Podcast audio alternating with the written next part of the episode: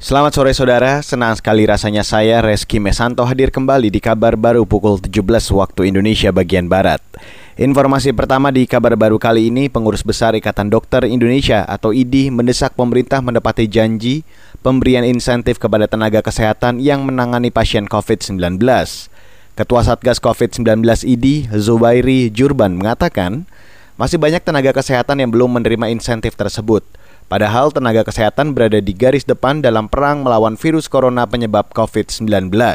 Kalau sudah janji ya, ya dikeluarkan, janjinya udah dua bulan lalu, nggak keluar-keluar itu kan memberi harapan harapannya menjadi sirna karena ditunggu-tunggu nggak datang.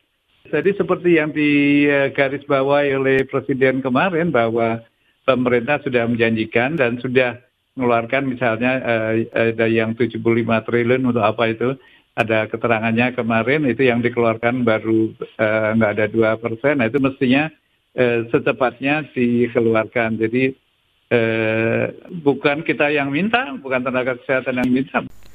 Itu tadi Ketua Satgas COVID-19 Ikatan Dokter Indonesia atau IDI Zubairi Jurban.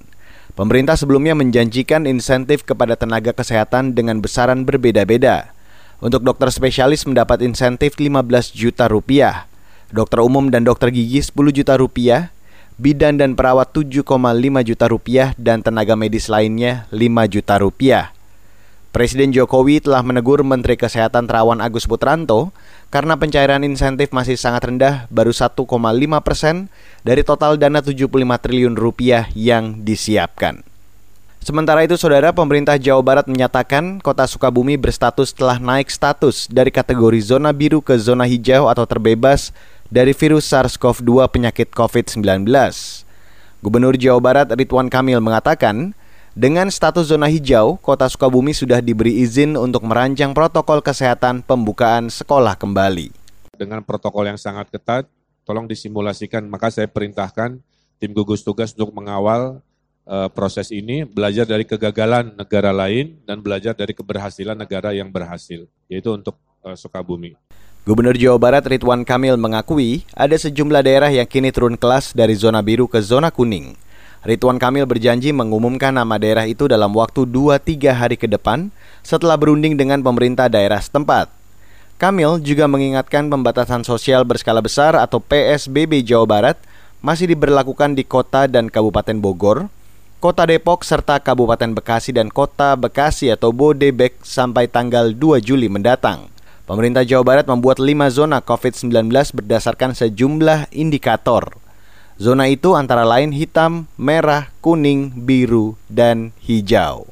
Beralih ke kabar dari luar negeri, pemerintah Thailand berencana akan kembali membuka bar atau tempat-tempat hiburan pada Rabu mendatang.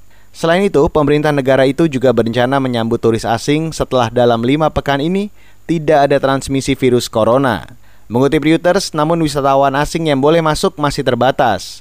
Warga asing yang punya izin kerja, izin tinggal dan keluarga di Thailand boleh masuk negara itu, namun wajib menjalani karantina 14 hari.